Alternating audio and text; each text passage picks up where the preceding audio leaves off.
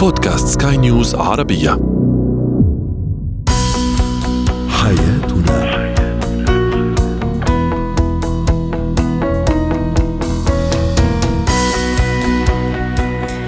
مستمعينا الكرام أهلا بكم معنا إلى حياتنا برنامجكم اليومي الذي يعنى بشؤون الأسرة وباقي الشؤون الحياتية الأخرى والذي يمكنكم الاستماع إليه عبر منصة سكاي نيوز ارابيا dot com slash podcast وباقي منصات سكاي نيوز العربيه الأخرى. معي أنا آمال شاب. سنتحدث اليوم عن كيفية الحديث وإقناع الشريك بضرورة التخلي عن عاداته غير الصحية، كيف أتحدث إليه أو إليها وأقنعه بذلك؟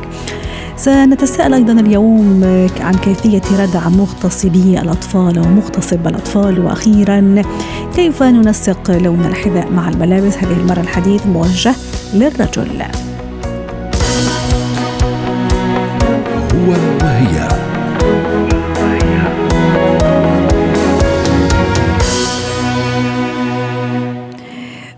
بعض الأحيان في الحياة الزوجية هناك بعض الأشياء التي يجب على الشريكين أن يتعايشا معها والتي قد يكتشفانها مع مرور الوقت. لكن هناك في بعض الأحيان هناك أشياء غير صحية قد تضر بالشريك وقد تضر بالشريكين معا. كيف أقنع شريكي أو شريكتي بضرورة التخلي عن عاداته أو عادتها غير الصحية؟ للحديث عن هذا الموضوع تنضم إلينا عبر الهاتف الدكتورة أميرة الفيشاوي ضيفتنا من القاهرة الخبيرة النفسية والأسرية. أسعد أوقاتك دكتورة أميرة في عادات كثيرة غير صحية في الحقيقة. ممكن تدخين ممكن عدم ممارسة الرياضة ممكن عدم آه، تناول الغذاء الصحي دائما الجنوح لل fast food أو الغذاء الغير صحي وما إلى ذلك. كيف أقنع الشريك أو الشريكة بالتخلي عن هذه العادات؟ أحيانا الشريك قد يعتبرها جزء من حياته أو جزء من شخصيته أو تمثله هو أو تميزه هو عن باقي الناس أو تميزها هي أيضا. كيف أقنع الشريك بضرورة التخلي عن هذه الأشياء؟ آه، أهلا وسهلا بحضرتك صباح الخير. أهلا وسهلا. آه، دايما لما بنحاول نقنع الشريك أو الشريكة بعادات آه، يعني إن إحنا يعني بنواجههم بعادات سلبية خاصة بيهم ايا كانت بقى هذه العادات صحية جسدية مجتمعية مثل مثلا تناول الكحول عدم ممارسة الرياضة التدخين الزائد ممكن السمنة المفرطة الغازات الغير صحية في التناول الغذاء لازم أول حاجة ما مش نوجه هذا الكلام بشكل نقدي إن إحنا بننتقد أو بشكل أوامر إن إحنا نديه أمر. العلاقة هي بين الشريكين هي علاقة قائمة على المودة والرحمة والحب. يبقى أول حاجة لازم نديها له إن إحنا ممكن نعمل جذب انتباه لهذه العادات الغير صحية بأضرارها السلبية ولكن بالحب والمودة والرحمة. وليس بالانتقاد والصراعات أو ان إحنا نحاول نقلله نشعره ان هو انسان ناقص. فندخل هنا في مرحلة إيه؟ ال ال التحدي بين الشريكين. وإن هو لكن عادة دكتورة أميرة أكيد توافقيني رأيي. أول ممكن ما أبتدي أنا أحكي كزوجة أو كزوج عن العادات ممكن أكيد أو غير الصحية. طبعا أكيد راح يحاول إنه يقاوم أو تقاوم أو تدافع عن عن عن عن التزام عن حبها مثلا بهذا الشيء أو بهذا أو هو بالنسبة للزوج كيف الطريقة المثلى في هذا في هذا الحال؟ يعني ما ينفعش خلينا نقول مثلا أنا زوجي شره يدخن كثير بشكل يومي ويعني بشكل مبالغ فيه، خلينا نعطي مثلا مثال حتى نفهم أكثر الموضوع.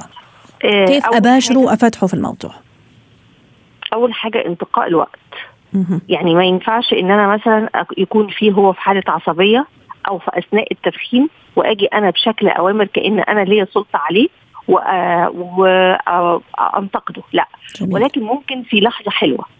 يعني هو في لحظة حلوة وفي لحظة صراحة أحيانا بتبقى مع الزوجين. فممكن في هذه اللحظة أنا أبدأ أنتقد نفسي أنا شخصيا ولو حتى بالتمثيل. في عادة صحية ليا إن أنا مثلا عايزة إن أنا أعاني من سمنه إن أنا بعاني يعني الفترة دي من كسل إن أنا عايزة ألعب رياضة وبالتالي أبدأ ألفت نظره إن إن كل إنسان فينا ممكن فيه يبقى فيه عادات غير صحية.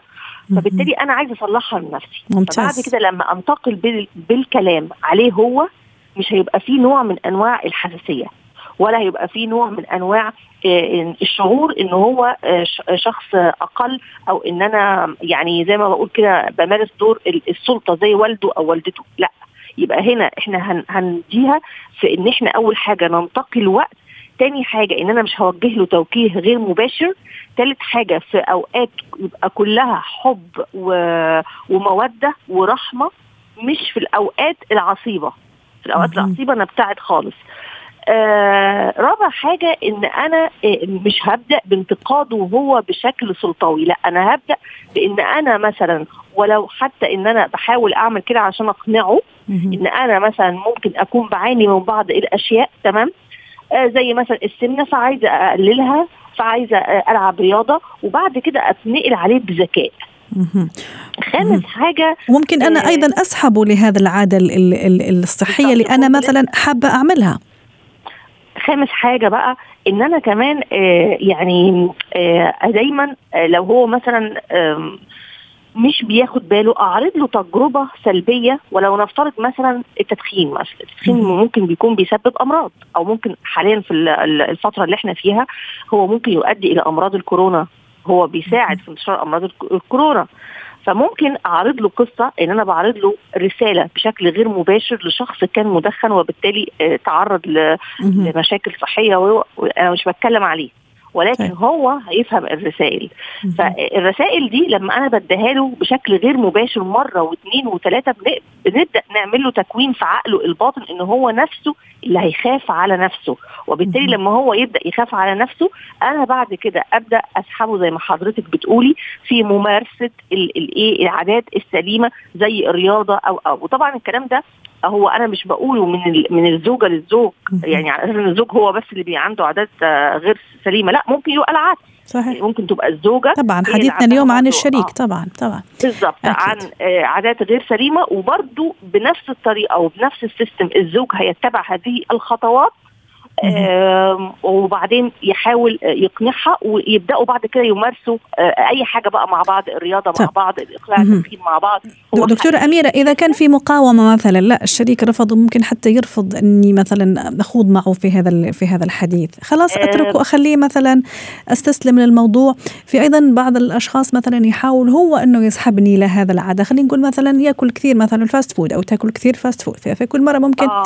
يدعوني لأن أشاركه هذا الأكل. ممكن ممكن مرة يعني أجامل مرة ثانية أي لكن إذا هو حاول يسحبني لهذا المنطقة كيف أتصرف؟ لو هو حاول يسحب آه، الشريك لهذه المنطقة تظاهري إنك يعني لازم نتظاهر إن أنا اتسحبت ولو لوقت ما علشان أكسب ثقته وعلشان أديله إحساس إن هو يعني زي ما بنقول كده شخص مش فيه عيوب يعني لأ ده هي دي مجرد عادات وأنا هتظاهر مرة واثنين لكن بعد كده بذكائي أنا بقى بذكاء الشريك الآخر ايا كان الرجل أو المرأة وبالاحتواء العاطفي بافتعال مواقف إن هي ممكن تكون عملت آه، آثار سلبية عليا أو على أولادي. يعني في هنا الذكاء بقى. نبدأ نعمل له عملية إن هو شخصيا يقتنع إن دي ليها أضرار ويبدأ يخاف على شريكه أو شريكته أو أولاده. طيب هنبدأ بقى نقول له إيه البديل؟ البديل ده مش لازم يتعمل بشكل قاسي. يعني مش لازم مثلا لو هو بيدخن إن هو يبطل التدخين بشكل قاسي. وإن أنا بقى يعني أكون زي المعلمة كده بتاعته أو المدرسة. لأ هو بشكل تدريجي. أو ممكن يعني حتى احراجه أمام الناس دكتورة أميرة ممكن أمام أولاده أولادنا أو في البيت أو الأسرة أو أمام الضيوف أيضا. ممكن هذا راح يخليه يعند أكثر أو تعند أكثر في الموضوع.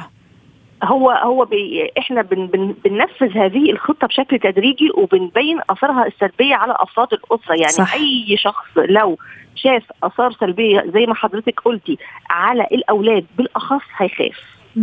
ولو حتى ممكن تكون العادات السلبية دي هي العصبية المفرطة اللي دايما هو بيزعق وبيصرخ ما بين زوجته. يعني حتى لو ابتعدنا بقى عن العادات اللي هي الجسدية زي التدخين الأكل لأ ده في عادات تانية آه، سلوكية زي العصبية. لو الراجل أو الست مثلا اللي بتصرخ شعرت إن أولادها بدأوا آه، يحسوا بخوف أحيانا. أو بالخوف أو بتلعثم أو أو أو يبقى هنا اللي بيخوف سواء الشريك أو الشريكة هو الأولاد. ولو ما فيش أولاد هو إحنا زي ما قلت لحضرتك بيبقى بقى بالحب وال وال والمحاكاة إن أنا بديله رسائل غير مباشرة للاثار السلبية ترتبت على أشخاص آخرين ونتائجها اللي كانت مأساوية يعني. وبعدين إن أنا أحاول أتظاهر إن أنا زيه وإن أنا أحاول أتظاهر برضو إن أنا في عيوب ولكن بعد كده إحنا عايزين نشترك مع بعض زي ما اشتركنا مع بعض في الحب في في الجواز في المنزل في تقسيم ال ال ال ال اللي هي العادات اللي داخل البيت اللي هو المنزلية الواجبات المنزلية. برضه نشترك مع بعض في محاولة إصلاح بعض إن إحنا نشترك ببلان كده بخطة. واضح. شكرا لك دكتورة أميرة الفيشاوي الخبيرة النفسية والتربوية ضيفتنا من القاهرة. زينة الحياة.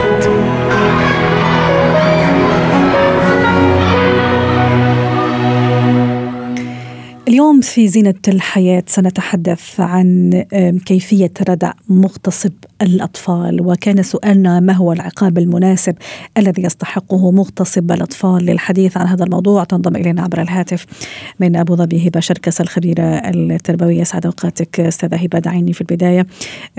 أقف عند بعض التعليقات في الحقيقة. كلها أجمعت على أنه يجب تسليط عليه أقصى العقوبات. طبعا في تعليق يقول أولا عرضه إمام طبيب نفسي ومن ثم يحدد العقاب حسب حالته وطفولته والمواقف التي تعرض لها. والمشاكل وكل المسببات ثم يحدد له العقاب ولا يوجد أي مبرر لهذه لهذا التصرف. كما قلت الأجوبة كانت بين إعدام وغرامة وإخصاء كيميائي أيضا كانت هذه من بين الأجوبة التي وردتنا طبعا في اختلافات كثيرة دكتورة هبة حسب الدول حسب القوانين. لن نخوض في الجانب القانوني طبعا كما قلت من سجن من غرامة من سجن مؤبد من إعدام من إخصاء كيميائي وما إلى ذلك. كل دولة تطبق حسب قوانينها. كيف يرتدع هذا المغتصب؟ ثم أولا عن أي شخصية نتحدث نحن؟ وطبعا الشخص اللي بيغتصب الأطفال ده هو شخص بيكون يعني غير سوي نفسيا. بس ده لا يمنع إن هو مسؤول قانونيا لأن إحنا في فرق كبير جدا ما بين المرض النفسي والاضطراب النفسي وما بين المرض العقلي. الإنسان المريض عقليا هو غير مسؤول ويعني وغير مسؤول عن تصرفاته ولا يحاسب قانونا وطبعا ده بيتعرض على لجنة واللجنة بتجتمع أكتر من مرة وفي أثناء وجوده في منطقة في مستشفى الخاصه بالأمراض العقلية وبتكون تابعة للسجون. ف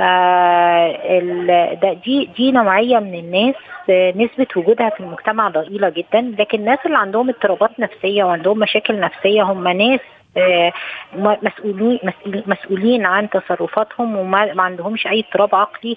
والإنسان لما يحس إن هو عنده اضطراب نفسي يعني شخص يحس إن هو عنده ميول للأطفال أو عنده ميول للعدوان أو عنده رغبة في, في يعني شهوة ناحية طفل أو حاجة زي كده هو ما بيحصلوش حاجة تعمل له mental block أو تخليه ما يقدرش يتصرف وما يقدرش يتحكم.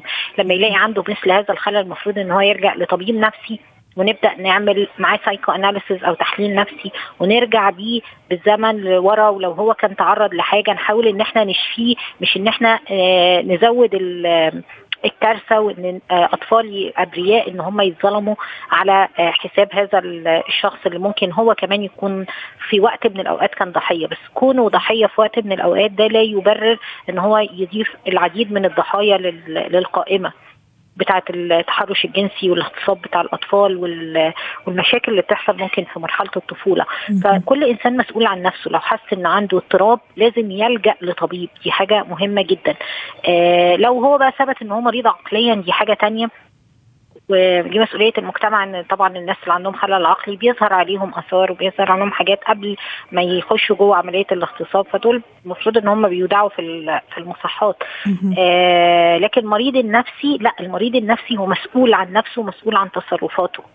وأيضا سؤالي دكتور أستاذة أستاذة هبة إنه أيضا أمام أي شخصية نحن يعني هذا هذا هذا هذا المغتصب يعني هو عارف إنه سيلقى هذا الجزاء حسب المكان اللي هو فيه كما قلنا اعدام أو سجن مؤبد أو أو كل هذه العقوبات الرادعه لكن رغم هذا نفسه تسول له ويعيد الكرة مرة أخرى وشفناهم كثير. يعني ممكن حنا هذا الموضوع أثرناه مرة أخرى بعد صدور الحكم أمس في المغرب على المغتصب الطفل عدنان الذي قضت المحكمة بتطبيق حكم الإعدام فيه. أنا أقصد أكيد في ناس راح تشوفه في ناس من, من نوعه يعني من نفس طينته لكن نفسها تسول لها مرة أخرى وتقوم بنفس الفعل الشنيع.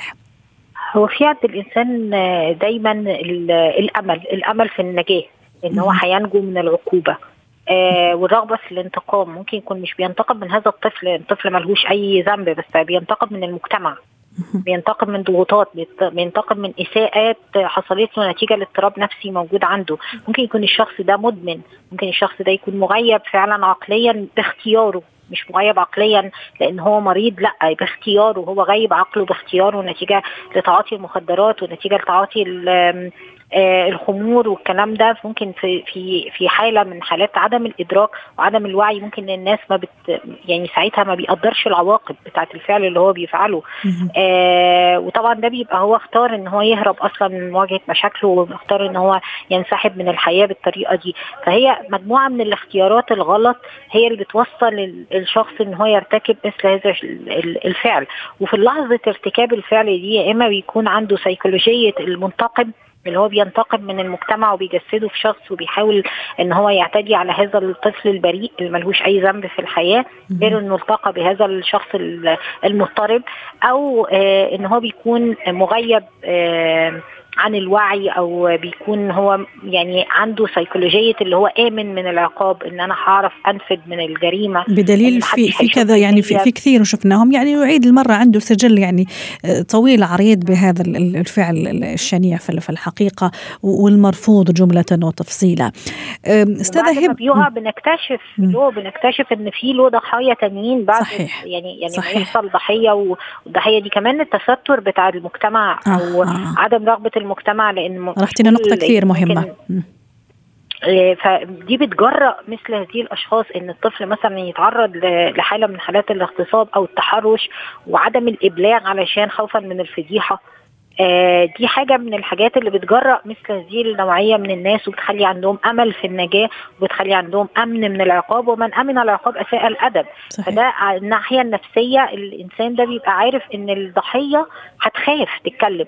ودي حتى من الوسائل اللي إحنا لما بنوعي الأطفال حوالين التحرش الجنسي والاعتداء الجنسي بنقولها لهم بنقول لهم إن في نوع من الأسرار اسمه الأسرار السيئة اللي هو حد يقول لك ما تبلغش حد أو يخوفك إنك لو بلغت حد أنت اللي حت أنت هيقولوا عنك أو هيعملوا فيك أو هيسووا لك أو كذا.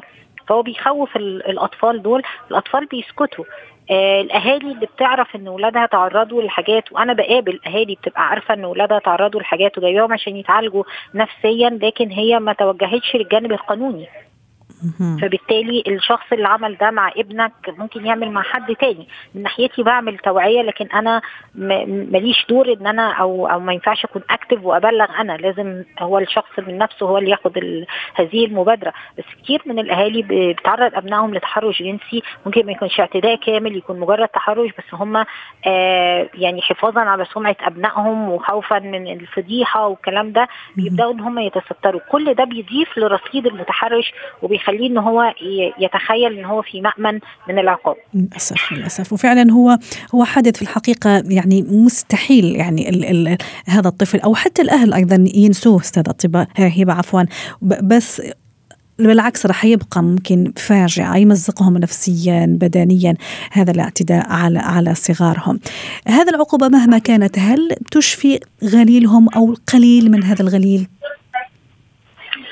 هو طبعا يعني العقاب هو حق للمجتمع.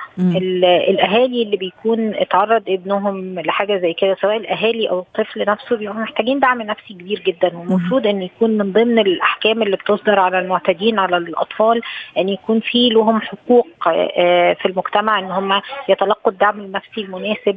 إن فعلا الخروج من من تروما كبيرة زي كده أو من صدمة كبيرة زي كده ده له خطوات كبيرة جدا. يعني يعني دراسات كتيرة معمولة وتكنيكس كتيرة واستراتيجيات كتيرة إحنا بنستخدمها علشان الخروج من أزمة من النوع ده.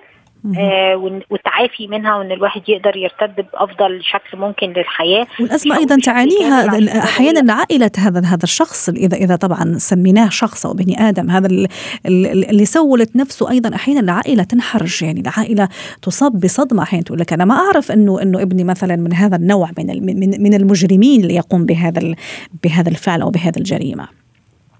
ده ده حقيقي جدا إن هو أساسا الشخص ده بيأذي عائلته كلها وبيبقوا بيبقوا العيلة كلها بتبقى بعد كده منبوذة ومفيش حد عايز يناسبهم مفيش حد عايز يتعامل معاهم مفيش حد يعني هو بيسبب ضرر لنفسه بيسبب ضرر لأسرته وعائلته كمان ممكن العائلة كلها يعني ولاد عمومته ولاد خالاته كل الناس ممكن تتأذي من مثل هذا الشخص بس هو الأساس في هذا الاعتداء إن الشخص ده أخذ مجموعة من القرارات الخاطئة في حياته وصلته خطأ كبير زي كده زائد إنه آمن العقاب ولأنه متأكد إن الضحية في أغلب الوقت مش بتبلغ. واضح. وطبعا الوقاية والاهتمام بأبنائنا ونكونوا دائما حريصين عليهم دائما هذه النقطة الأساسية والأولى اللي نركز عليها حتى نحميهم من أي سوء أو من أي مكروه. وربي يحمي كل أطفالنا وأولادنا. شكرا لك استاذه هبة شركس الخبيرة التربوية ضيفتنا من أبو ظبي.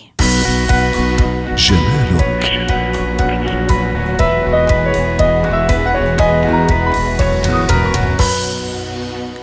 اليوم فقرة الجمال ستكون موجهة للرجل والحديث عن شيء مهم يتعلق بتنسيق لون الحذاء مع الملابس. للحديث عن هذا الموضوع تنضم إلينا عبر الهاتف صفا كرم خبيرة الموضة يسعد أوقاتك صفا. هي نعتقد أنه الرجل يعني هو معروف أنه بسيط جدا وعادي يعني ما كثير يعني يعقد الأمور يعني وهي سهلة في الحقيقة بالنسبة لي لكن في قواعد ما لازم نحيد عنها يتعلق الأمر بالتنسيق لون الحذاء مع الملابس ونبتدي بالحذاء الأسود حتى نكسب وقت معك صفا.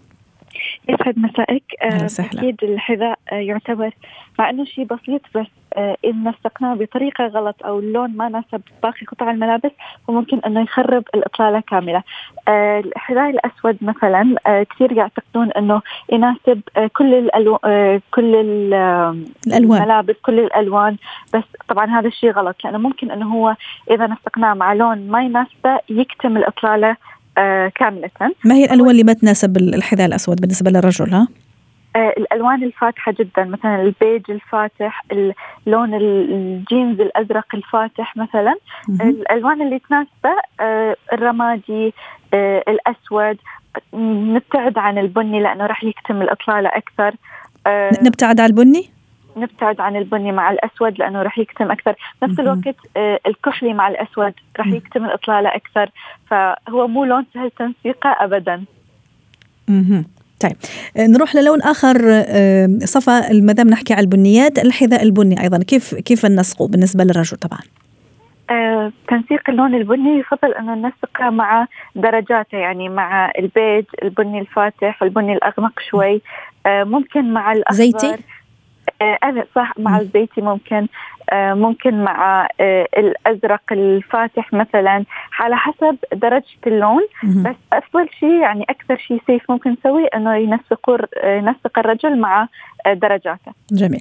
الحذاء الأبيض صفا اللي هو عادة ما يكون كلاسيكي يعني يروح للكاجوال أكثر شيء صفا.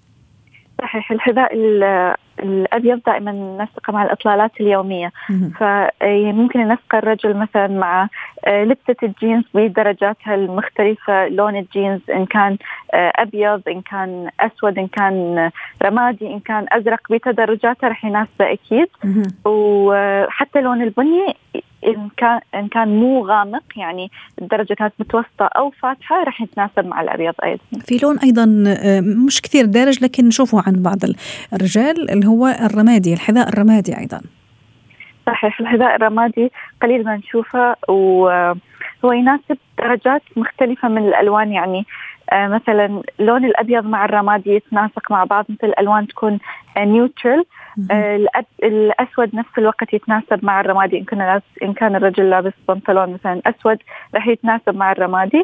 وممكن درجات الجينز الزرقاء هي اللي تتناسب معه. جميل، صفا أكيد ما راح تكتمل الإطلالة من غير ما نحكي عن الجوارب أيضا، أحيانا بتلاقي مثلا شخص لابس لباس جميل متناسق سواء من ناحية الحذاء وتنسيقه زي ما عم نحكي الآن مع الملابس، لكن لما نيجي للجوارب ممكن يعني خطأ بسيط قد قد يعني يفسد الإطلالة كلها. صحيح. لذلك دائما أغلب الرجال يتجنبون الجوارب الطويلة ويلبسون الجوارب اللي هي تكون آه، على شكل القدم بالضبط فقط. آه، دائما نحاول إنه يحاول لكن مع اللباس الكلاسيكي ممكن شكلها ما راح يعطي شكل جميل ولا؟ آه، صحيح ما راح يعطي شكل جميل.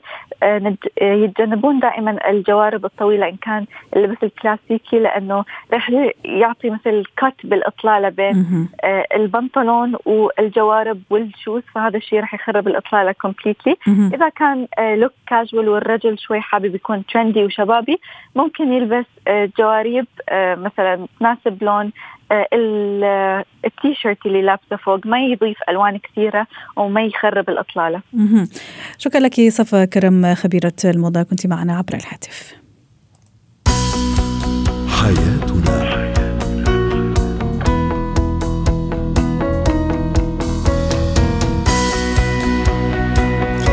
ختام حلقة اليوم من حياتنا. شكرا لكم وإلى اللقاء. حياتنا.